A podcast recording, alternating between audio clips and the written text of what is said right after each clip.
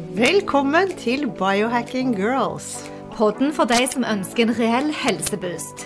Vi holder oss oppdaterte på siste nytt innen helseforskning og tester ulike dietter, fitnesstrender og mentale teknikker.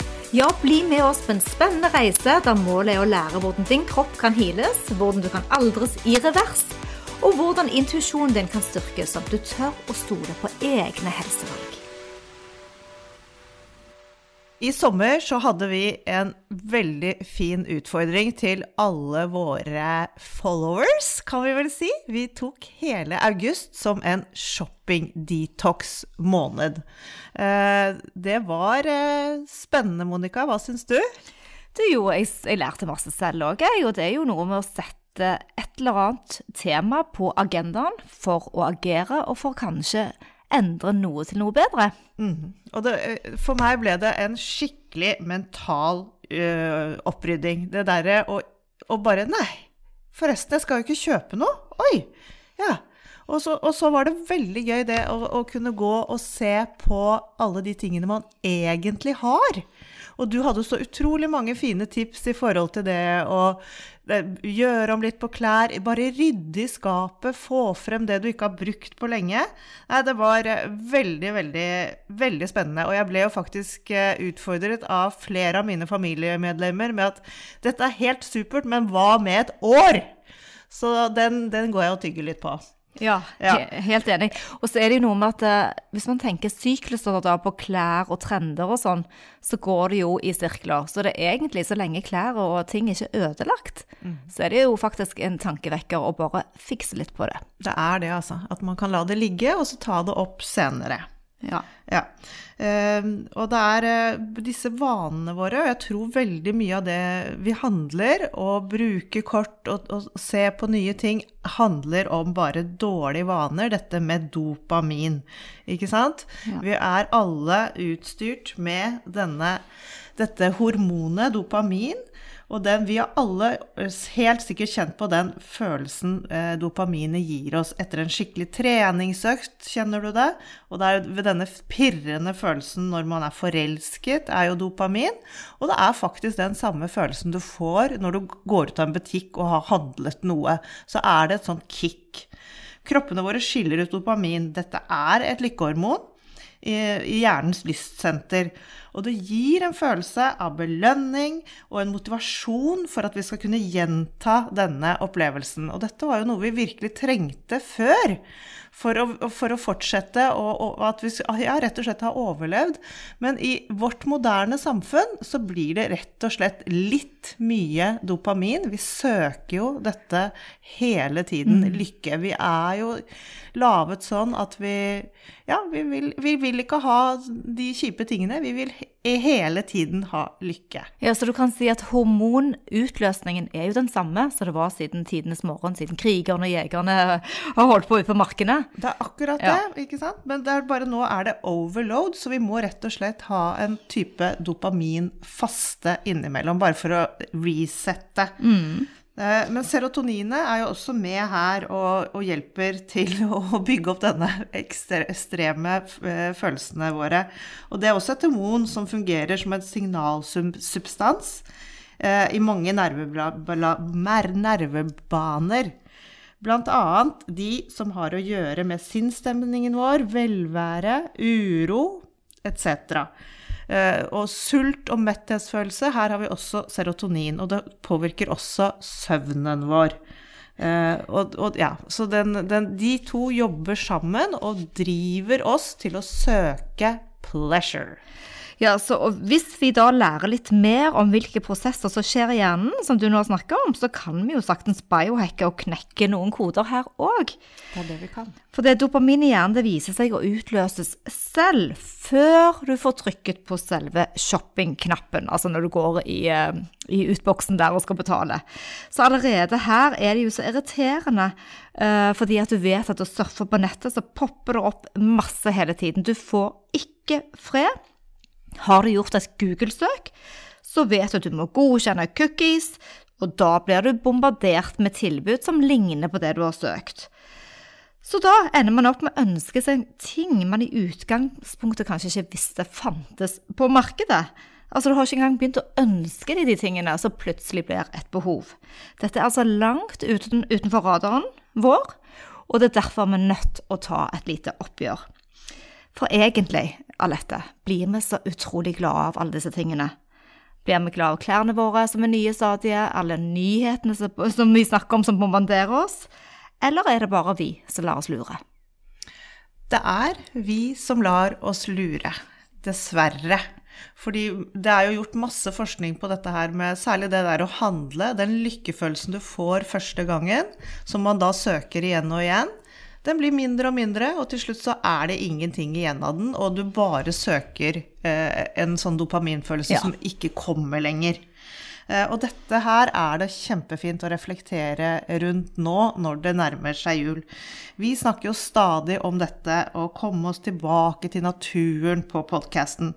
Slik som våre forfedre levde. Vi skjønner jo at vi ikke kan gjøre det i vårt moderne samfunn, men det går faktisk an å tenke litt sånn som det var før.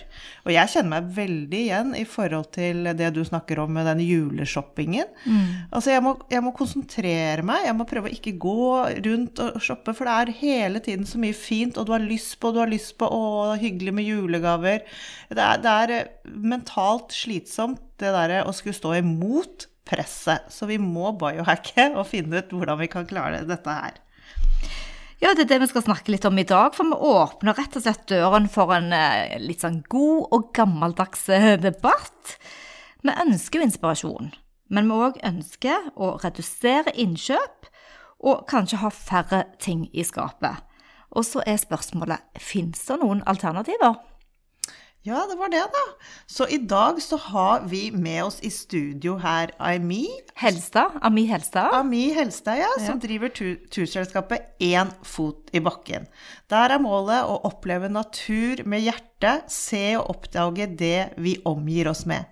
Og i tillegg har vi med oss sosialantropolog Gunn Helen Øie. Det blir kjempespennende å høre hva disse har å si. Kanskje vi i løpet av podkasten får nye ideer til julegaver, bare få uker før Sølvguttene synger julen inn. Velkommen til Biohacking Girls. Da er vi i gang med samtaler rundt shopping detox, og det er så gøy å ha flere sterke damer rundt mikrofonen. Uh, Ami Helstad, du er naturterapeut. Velkommen til deg. Ja, takk skal du ha. og så har vi sosialantropolog Gunn Helen Øie. Hei. Hei, takk skal dere ha. Nå skal vi snakke om shopping detox. Uh, jeg tror kanskje vi må starte med å få en liten introduksjon. Skal vi starte med Ami først? da? Kan ikke du fortelle litt om din bakgrunn? Jo, jeg har jo i utgangspunktet er jo drevet med salg og markedsføring. Og så har jeg jo øh, jobbet øh, som ja, øh, skiinstruktør i Canada. og elsket å vært ute på tur. Og så satt jeg jo i mange år og jobbet med PC-en og satt og så ut av vinduet, og så fant jeg ut at her kan jeg jo ikke sitte. Så jeg må, i forbindelse med koronaen så gjorde jeg en livsstilsendring. Og så tok jeg naturveileder i Trygga naturutdannelse. Så mm. da er jobben din rett og slett å drive på i naturen? Ja, nå sitter jeg ikke lenger inne og, og ser ut, nå er jeg ute og ser inn. Mm. Dette er jo kanskje musikk i dine ører, Gunn Helen. Du syns uh, Dette er kanskje musikk i dine ører å høre at man tar ja. et uh, skifte i arbeidslivet. Kanskje du forteller litt om din bakgrunn? og ja. Jeg er også campolit, sosialantropolog fra Universitetet i Oslo. og Da forsket jeg på nordmenns forhold til hjemmene sine, og det er jo materialitet og ting. Nordmenn er jo ekstremt opptatt av hjemmene sine og oppussing bl.a. Og så tok jeg en master i luxury management i Firenze i 2008. Og eh, da var jeg ferdig med den, så tror jeg at jeg ikke klarte å gå i en butikk eh, på et år. Eh, minst fordi at jeg så hvor høy fortjenesten var. Og kanskje det tredje jeg skal nevne, er jo da at da gikk jeg inn i et brudd og fikk en transformasjon med det viktige spørsmålet eh, hvordan liv vil jeg leve? Det var ikke helt valgfritt da, fordi at jeg mistet eh, økonomisk grunnlag, men det store spørsmålet som vi skal kanskje drøfte i dag, hvordan liv vil jeg leve, og hva gjør jeg for å leve det livet? Du, dette er så utrolig spennende. Og med min bakgrunn som har bodd store deler av livet i eh, Spania, der det er veldig lite fokus på kos inni hjemmene, men at det er mye følelser på gata, for å si det mildt, eh, så er det òg veldig hyggelig å høre at det finnes alternativer til hvordan vi nordmenn da er vant å leve. Mm.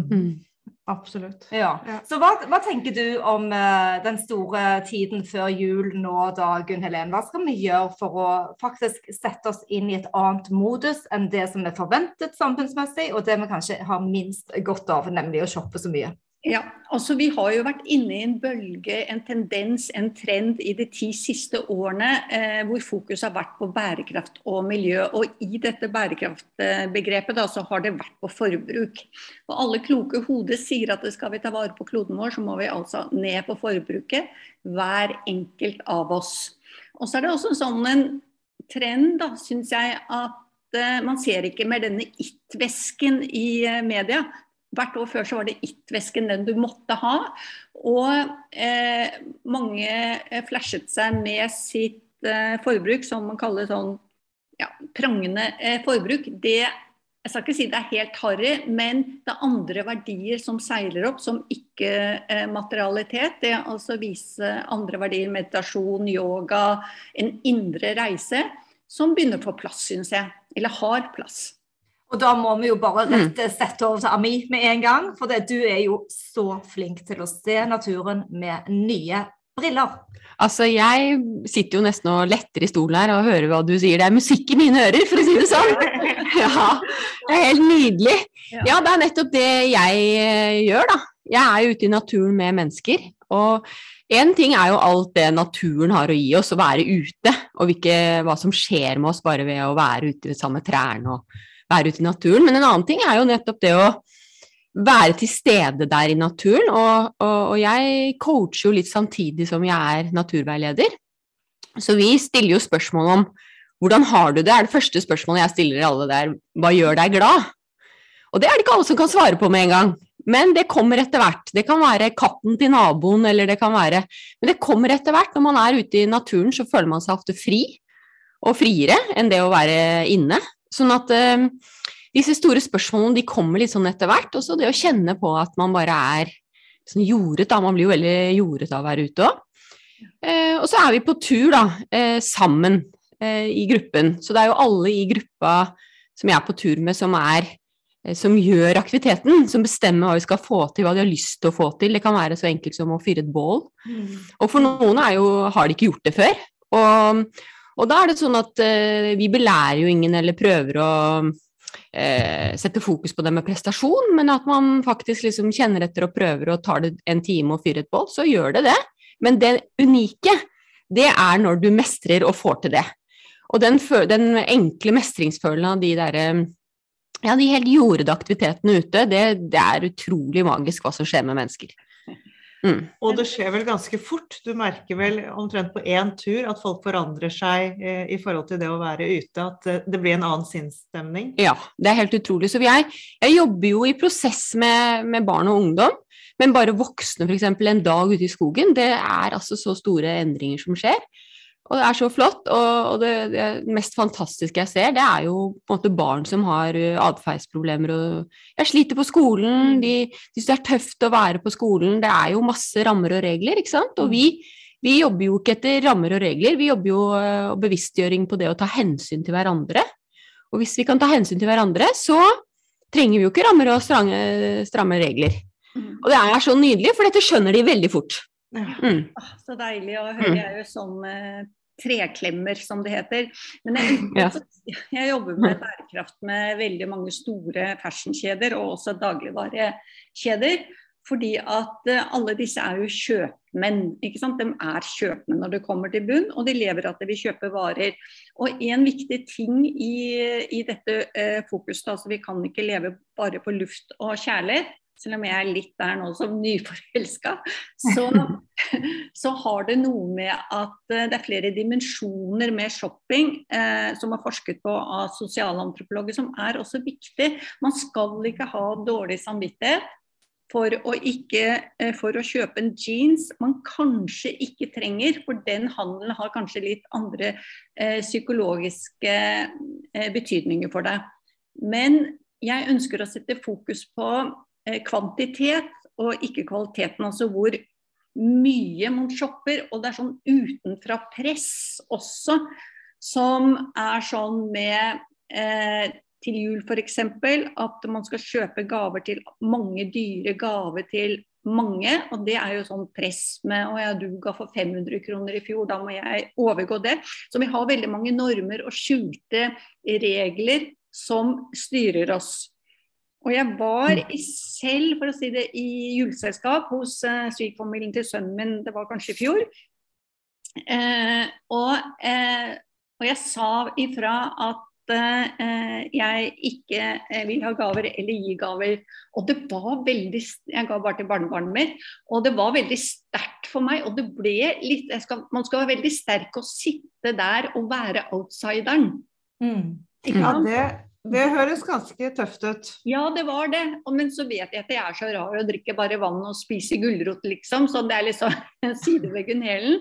Eh, og at jeg har de meningene jeg har og gikk bort 60-70% av hva jeg eier. Men jeg følte det at, eh, og jeg kan jo det faglig som sosialantropolog, at det å være outsider, eh, da skal du være sterk og også trygg. Og ikke ha noe skam og frykt. at jeg er ikke med eh, på det. Og så var det en som ga meg et lite glass med honning da, fra biene sine, og jeg satte veldig pris på det. Men det ble ikke noen gave for meg heller. Eh, den uh, unge generasjonen da, med de som er mellom 20 og 30 år, det er jo veldig mange som shopper second hand. Mm. Mange lager ting, og folk er kunstneriske og ser nye altså Det har jo blitt en trend òg, så egentlig så er det jo veldig innafor å tenke bærekraft. Mm. Men vi hadde litt lyst til å snakke om, siden dere to begge to er her nå, og så se på alternativer til den tingligheten. Hvorfor alt skal være gjenstander. og For det å gi noen en opplevelse, det tror vi kanskje kan komme til å bli mer dominerende. Vi vil tilbake til naturen. Vi vil kjenne på rytmen i kroppen vår og vekkes til live. fordi at eh, den shoppingen og den Instagram-scrollingen den gjør jo alt annet enn å komme tilbake til utgangspunktet. Hva tenker du om det, Gunn Helen? Ja, altså Jeg er så enig med deg. Og det som er så deilig, er det at vi snakker om det. Vi løfter det fram nå. Vi er litt sånn usikre på hvem jeg er, eller jeg, hvilken verden jeg egentlig vil leve i. Ik ikke sant å si det at det kan jeg finne glede i i, eh, i eh, eh, å gå en tur i skogen, for å si det. Og i gavesystemet så er det noe som heter resiprositet, altså denne gjensidigheten som er enormt sterk. Og det å gi eh, ting som bærer preg av hvem man selv er, men også mottakeren. F.eks. Altså noe som er gratis, som ikke kan koste penger. Sånn som jeg kan jo tilby fem barnevakter til sønnen min. Han blir jo kjempeglad. Mm. det går på det. Men det som er oppi den diskusjonen vi har nå i dag, da, det er det at alternativt, for å kalle for det, er akseptert. Mm. Så men, det å innby til en skogklemming for en som av deg f.eks., men en som ikke vet hva det er, så kan det være en stor, stor ting. Å komme i mm. skogen og klemme et tre. Men Ami, hva kan du tilby av gaver i naturen? Altså, det beste for meg er egentlig bare å ta med mennesker i naturen. Og det som er kanskje forskjellen som jeg jobber med, er at jeg driver jo ikke event som på en måte melder seg på noe og går i en saueflokk etter noen andre. Men de er like delaktige som meg. Vi er sammen på tur. Og jeg tror det er det som er den store forskjellen. At det er da da tar vi bort liksom den prestasjonen og den derre at man skal liksom måle seg mot at man har de og det utstyret, f.eks., men at man på en måte er en del av gruppa. Hva skal vi få til sammen? Og, og, hvordan kan vi ha det fint ute i naturen?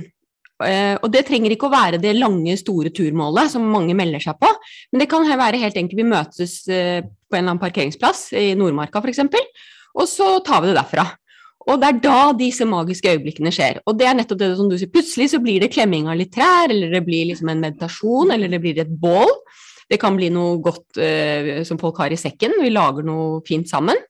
Ehm, ja, så det, det, er egentlig det jeg tilbyr. Det er jo å få folk liksom over dørstokkmila, da. Og tørre å gå ut. For det er jo en del som elsker å sitte og se på TV, og de elsker å se på naturprogram og sånne ting, men de gjør det faktisk ikke.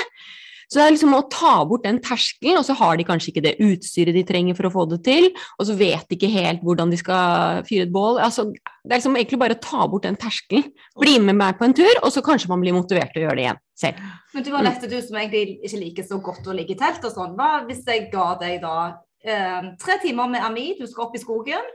eh, Jeg finne på ting. hadde selvfølgelig gjort det. Jo, jo, men, måtte- måtte- men hadde du hatt litt motstand? Ja, jeg hadde nok det. Fordi jeg er jo helt klart en sånn som alltid sier litt sånn nei først. Og så jeg, må jeg tenke litt, og så OK, da må jeg forberede meg veldig. Og, og jeg er jo ikke noe glad i å ligge i teltet, jeg er helt riktig. Men jeg er veldig glad i naturen. Mm. Jeg er ute hver eneste dag, så det har ikke noe med det å gjøre. Det er mer det derre ukomfortable og og ja. Og det er jo mange som deg, og som tenker sånn, ikke sant? som kanskje ikke har noen god erfaring og vært liten og hatt dårlig utstyr og frøst og sånn, ikke sant. Men det er noe, noe med det å hva, hva skal til for at du skal bli trygg, da? Det er et spørsmål som jeg stiller da, ikke sant. Ja, og så svarer du Ikke sant? Det, Mm. det å, å være sammen med trygge mennesker. mm, mm. Og da er det mange der med mye erfaring, eller jeg har en del erfaring, hun jeg jobber med har erfaring. Mm. Og så er det jo tilrettelegge sånn at du skal føle at du er trygg på tur, da. Og så er det jo en kjempemestring når man får det til, da. Selvfølgelig. Og tenk all den EMF-en du flykter fra, altså elektromagnetisk stråling, og all den jordingen med negative ioner fra jorden vår du får, og klemmer klemme på trær, og bare være på bakken, liksom. Så det, Ja, det er jo, altså, det er jo fantastisk. Altså, vi har en gave her eh, i Norge med så mye natur som vi faktisk har, og at man kan bruke den sånn på vinterstid også. Altså, sommeren er én ting, men dere er jo skikkelig tøffinger på vinterstid òg. Men Gunn Helen, hvordan tror du covid-tiden disse siste to årene har enten endret folks oppfatning til å bli mindre påvirkelige av eh, eksternt press, eller til å se livene på nye måter?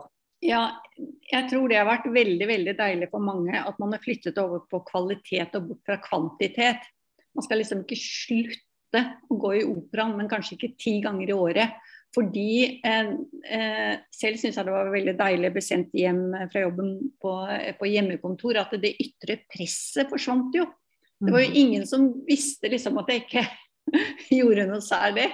Og det, og det, og det var, det var eh, veldig veldig deilig at det ikke var sånn press om kafeer og venninnemiddager og så de tingene. Og så er jo vi mennesker skrudd sammen sånn at det da kommer den store tanken opp som har kommet opp. Jeg liker denne roligheten. Eh, eh, flere har jo begynt å gå i skogen, det viser jo tall. Eh, eh, og jeg liker denne roligheten, og den vil jeg eh, bevare i det livet jeg har. Man trenger ikke slutte i jobben eller sånne ting, men ha plass til eh, eh, egentlig ofte stunder med ingenting, da. Mm. Altså sånn bare gå en lang tur som det ikke er verdt å fortelle om på Instagram eller Face, men det gjør deg enormt mye fint. Men tror, tror du det kommer til å vare, eh, eller kommer vi fort tilbake til gamle vaner når det blir aktuelt? Hva tror du der? Tror du Ja. vi har endret oss? Man ser jo at noen, noen få har jo kjøpt, liksom flyttet til Tjøme og kjøpt hus og så gjort noe, og de leser man jo om eh, i avisen. Men eh, eh, dessverre så ser man jo da at bilbruken er høyere nesten enn før eh, pandemien. Man, vil, man tør ikke ta T-banen. Eh, så eh, for alle vil det ikke, ikke vare. Men for eh, jeg tror for mange og, vi trenger, og jeg tenker helt liksom trekke frem mor Teresa. Da, vi trenger liksom ofte én sånn en stifinner som smitter verdier som flere av oss har godt av. Og det viste jo under pandemien at det var etter hjerteinfarkt og så mange, mange sånne ting gikk jo ned. Så, Mm. så vi, har jo, vi har jo fakta og bevis på at eh, det fins andre gode liv. Det er det som er saken. Andre gode liv. Vi så jo også under pandemien hvor mange som trakk ut i skogen og begynte å sove ute, som kanskje aldri hadde gjort det før. Så salgstallene i sportsindustrien har jo skutt i været. Det er jo tomt på lager overalt. Ja. Så det var jo en flott ting. Da prøvde jo folk seg ute. Men Eh, først måtte de ha alt utstyret, ja. Ja, så de måtte ha alt utstyret, ikke sant. Så da kunne de jo tatt og ringt meg isteden, ikke sant. Som har garasjen og har det til utlån. Men hengekøyer og sånn, ja, Ja. det, det ble jo en ny på en Ja. måte glam, glam-tilværelse rundt det. Og så, Mm.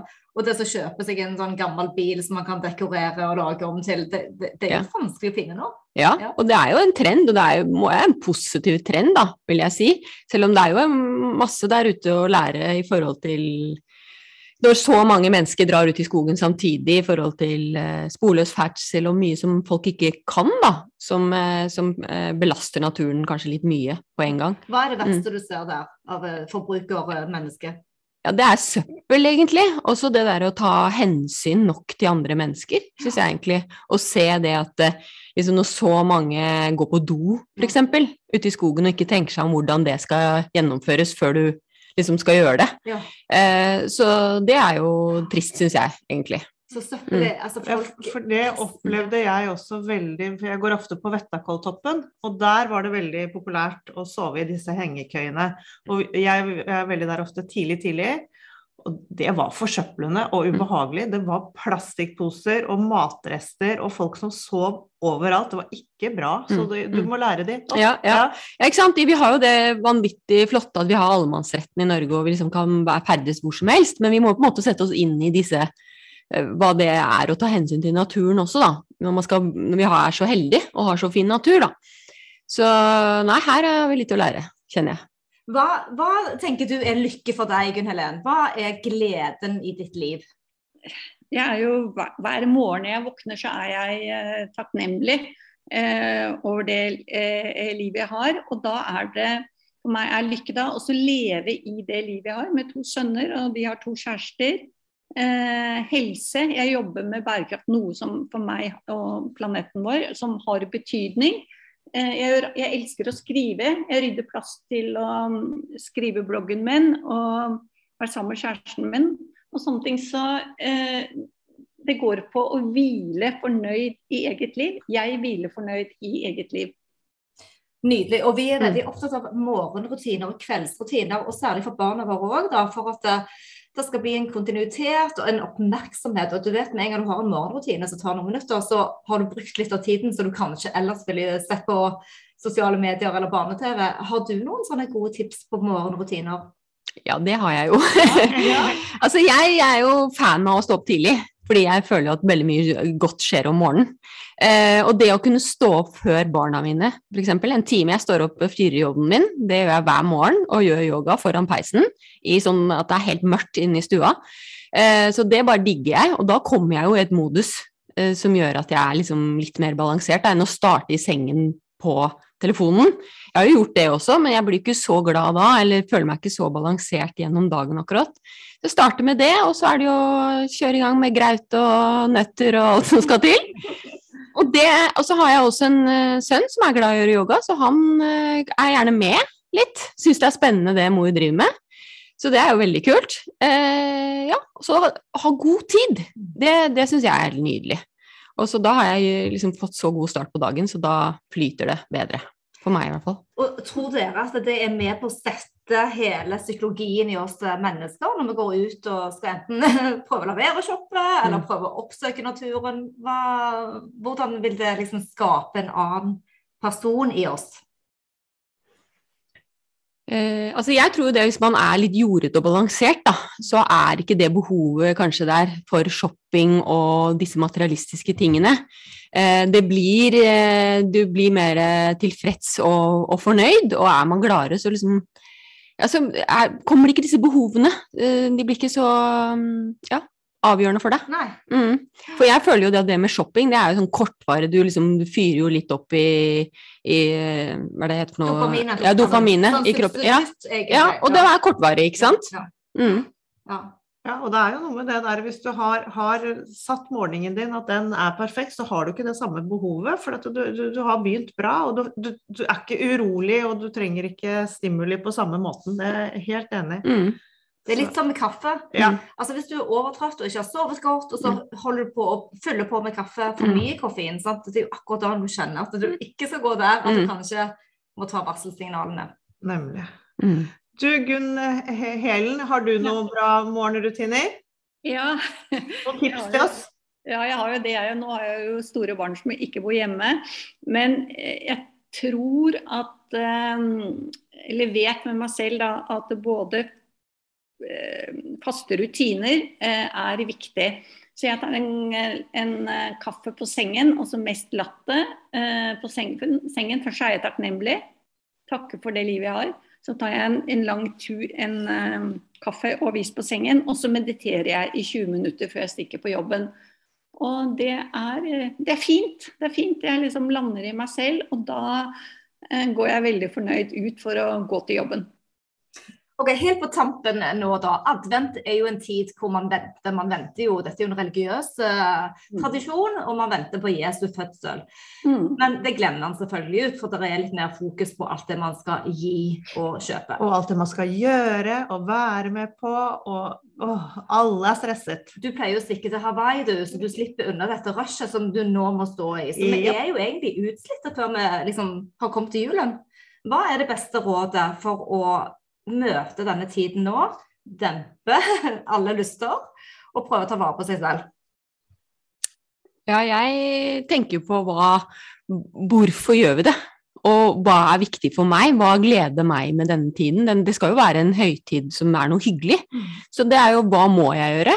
Sånn helt må, kan fjerne, hva kan jeg fjerne av burde? Mm. Og så fokusere på de tingene som gir meg glede, og så gjøre det fremfor alt det jeg må bare Det er jo mange ting vi ikke må nå. Det er mye press. Ja. Mm. Mm. Ja, og så er det det shopping, da. Altså, kan man kutte disse gavene?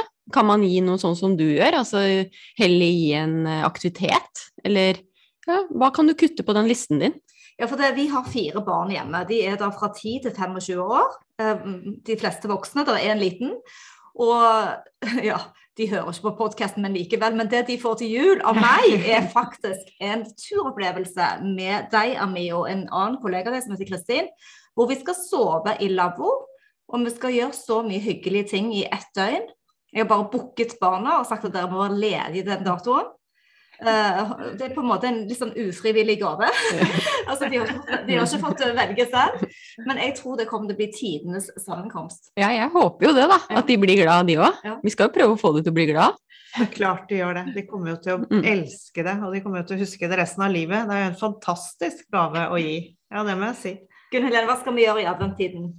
Ja, vet du, Jeg tenkte på det i, i dag tidlig, det med adventstiden. Det er jo å vente på ikke sant? Det er en religiøs tid, og det er å vente i disse 24 eh, dagene fram til eh, julaften, da, hvor, eh, hvor, Jesus ble født. Og det, har no, ikke sant? det er jo en kontemplativ tid å få ned, eh, få ned tempoet vårt. Og den diskusjonen er jo borte fra det store offentlige rom. Så jeg tar den be, bevisst.